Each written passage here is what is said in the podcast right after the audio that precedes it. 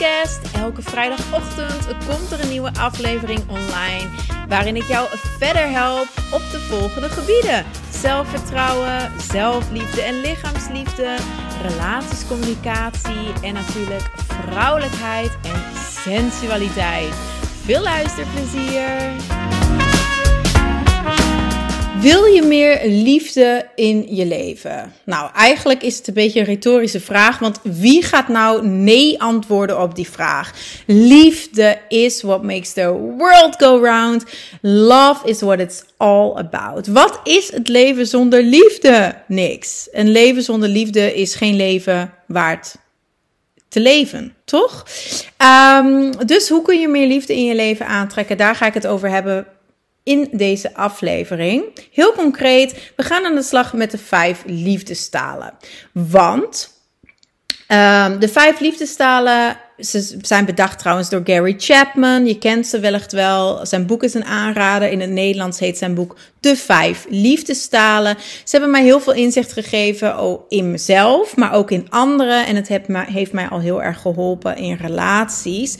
Maar als jij meer liefde in je leven wil aantrekken dan begint dat uiteraard bij jezelf. Heel cliché, maar zo, zo waar. Zelfliefde, dat is de basis, dat is de fundering. Heb jij geen onverwoestbare fundering aan zelfliefde, dan ga je in gebrekkig gedrag vervallen om maar meer liefde te krijgen, om je maar geliefd te voelen. Denk aan pleasen, et cetera. Dat willen we dus natuurlijk niet. Terwijl als je aan de andere kant heel veel liefde voor jezelf voelt, een geweldige positieve intieme relatie hebt met jezelf, dan kun je vanuit daar ook gezonde, fijne liefdesrelaties opbouwen met anderen. En de liefde is heel breed. Ik heb het over alle soorten liefde nu. Niet alleen romantische liefde, maar ook uh, de liefde die je vindt in de relatie met je familie, met je kinderen en uiteraard met je vriendinnen, vriendschappen. Um, dus al die verschillende soorten liefde kun jij pas aan gaan trekken als jij zelfliefde hebt. En um, ja, daar kunnen die vijf liefdestalen je dus bij helpen. Dus allereerst, de vijf liefdestalen zijn. En misschien weet je al van jezelf wat jouw liefdestaal is. Ik maak dan onderscheid tussen hoe jij het liefst liefde geeft en hoe jij het liefst liefde ontvangt. Dus dat kan ook nog anders zijn.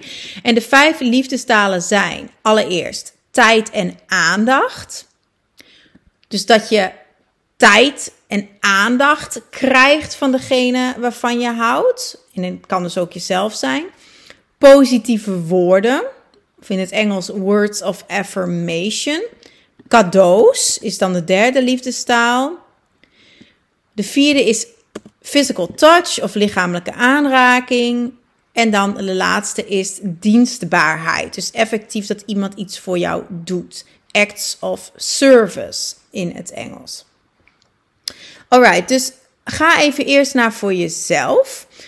Hoe ontvang jij het liefst liefde van iemand anders? Vind jij het heel belangrijk om veel quality time met iemand door te brengen? Wil je dat iemand tijd voor jou maakt? Voel jij je daardoor heel erg geliefd? Vind jij dat heel belangrijk? Wil je dus tijd en aandacht krijgen? Of heb je meer behoefte aan positieve woorden? Dus aan complimentjes, aan empowering words. Vind jij dat heel belangrijk? Voel jij je daardoor heel geliefd? Of zijn het cadeaus? Voel jij je heel geliefd als jij cadeautjes van iemand krijgt? En dat hoeft natuurlijk niet heel duur te zijn, maar de intentie dat iemand aan je heeft gedacht en een cadeautje voor jou koopt. Dan de volgende lichamelijke aanraking. Heb jij heel veel behoefte aan fysieke aanraking, aan knuffels, aan een schouderklopje, aan een, aan een aaitje, een streling, maar kan ook seks zijn natuurlijk voel jij je geliefd vooral doordat iemand jou aanraakt. En dan de laatste is dienstbaarheid. En dat kan ook een manier zijn waarop je heel graag liefde ontvangt. Namelijk dat iemand effectief iets voor je doet. Dus een concreet voorbeeld. Um, zonder dat je het hebt hoeven vragen, zet je vriend de vuilniszakken buiten en heeft hij, heeft hij gestofzuigd. Voel jij je daardoor dan heel erg geliefd? Nu, natuurlijk, al deze vijf dingen zijn fijn. Let's face it, het liefst wil je dit allemaal. En ik geloof ook dat het allemaal tot bepaalde hoogte, eh, tot in bepaalde mate aanwezig moet zijn in jouw relatie. Ik kan me niet voorstellen, ook niet met een vriendin, dat je elkaar nooit een knuffel geeft of nooit even je hand op haar arm legt of whatever. Eh, ik kan me ook niet voorstellen dat je met een vriendin nooit een cadeautje voor de koopt of dat je nooit tijd samen doorbrengt, dat je nooit haar een compliment geeft en dat je nooit iets voor de doet. Snap je dat dat kan gewoon niet. Tenminste, dan is er denk ik wel iets, uh, ja, dan, dan is er wel iets missende. Maar voor nu, iedereen heeft dus een primaire love language. Dus de manier waarop jij het liefste liefde ontvangt. En ik geloof dat je ook een primaire liefdestaal hebt waarop je liefde geeft. En dat hoeft echt niet dezelfde te zijn. Hè? Dus um, de manier waar ik bijvoorbeeld het liefste uh, liefde geef, is acts of service. Dus ik vind het heel leuk om, uh, zeker voor mijn romantische partner, om effectief iets voor hem te doen. Te koken of uh, iets te regelen voor hem. Ik vind dat een heel fijne manier. Hè? Het kan ook een, een fijn huis creëren zijn of uh, zijn koffer inpakken, whatever. Ik vind het heel fijn om effectief iets voor iemand te doen. Dan, de manier waarop ik het liefste liefde ontvang is cadeaus. En dat is iets waar ik me trouwens lange tijd een beetje ja, ongemakkelijk over heb gevoeld. Omdat ik dan dacht, ja, does this mean I'm a gold digger? Weet je wel, ben ik dan zo oppervlakkig en materialistisch? Maar toen ik dit als liefdestaal zag in het boek van Gary, toen dacht ik ook, oh, oké, dus There's nothing wrong with me. Het is effectief een manier om liefde te geven en liefde te ontvangen. En that's okay. Uh, en inmiddels weet ik ook, het gaat natuurlijk niet zozeer om het cadeau op zich. Het gaat voor mij heel erg om de intentie die erachter zit. Uh, mijn ex en mijn huidige partner, ze reisden veel voor hun werk. En um, dat zegt mij dan dat als ze terugkomen en een cadeautje voor mij hebben gekocht, dat ze op dat moment aan mij denken. Ik vind het minder belangrijk om elke dag te bellen. Hè, dat zou dan words of affirmation zijn. Um, physical touch, quality time is voor mij allemaal minder belangrijk. Maar het feit dat diegene terugkomt met een thoughtful gift, that really makes me feel loved. Dus Ga dat voor jezelf even na van hey, wat is nou de manier waarop ik heel graag mijn liefde toon en heel graag liefde ontvang? Nou, en dan, hoe kun je nou de liefde in je leven vergroten? Dat is uiteraard door dat ook bewust te gaan doen. En in de eerste plaats voor jezelf. Want daar begon ik de aflevering mee. Zelfliefde is de basis. Dus de komende vijf dagen ga eens elke dag een andere liefdestaal doen voor jezelf. Hè? Dus de eerste tijd en aandacht. Uh, en plan dit effectief even in. Hè? Plan dus een hele dag voor jezelf in. Een dag waarop je jezelf volledige tijd en aandacht kan geven. Plan die dag helemaal niks in, zodat er vrijheid en tijd is om te lummelen. Om gewoon op dat moment te zien waar heb ik zin in. Wil ik een dutje doen? Wil ik lezen? Wil ik shoppen? Wil ik, wat wil ik vandaag doen? En geef jezelf die tijd. Spendeer bewust tijd en aandacht aan jezelf. Dus pak die dag ook echt even een momentje om bijvoorbeeld spiegelwerk te doen. Hè, om oogcontact met jezelf te maken in de spiegel. Naar jezelf te kijken. Um, of om echt even te journalen, te mediteren. Maar dat je echt heel bewust tijd en aandacht geeft aan jezelf. Nou, de volgende dag, of je doet het een week later voor mijn part, hè, maar pak ook een dag wat volledig in het teken staat van de liefdestaal words of affirmation of positieve woorden. Die dag is het moment om bijvoorbeeld jezelf een liefdesbrief te schrijven. He, schrijf een liefdesbrief aan jezelf. Geef jezelf complimenten of maak een trotslijst. He, noteer alles waar je super trots op bent. Um, schrijf allemaal liefdesmantra's voor jezelf uit. Hè? Dus words of affirmation. En dan, de derde dag zal ik even zeggen, of de derde week van mijn part, gifts. Koop of maak iets leuks voor jezelf.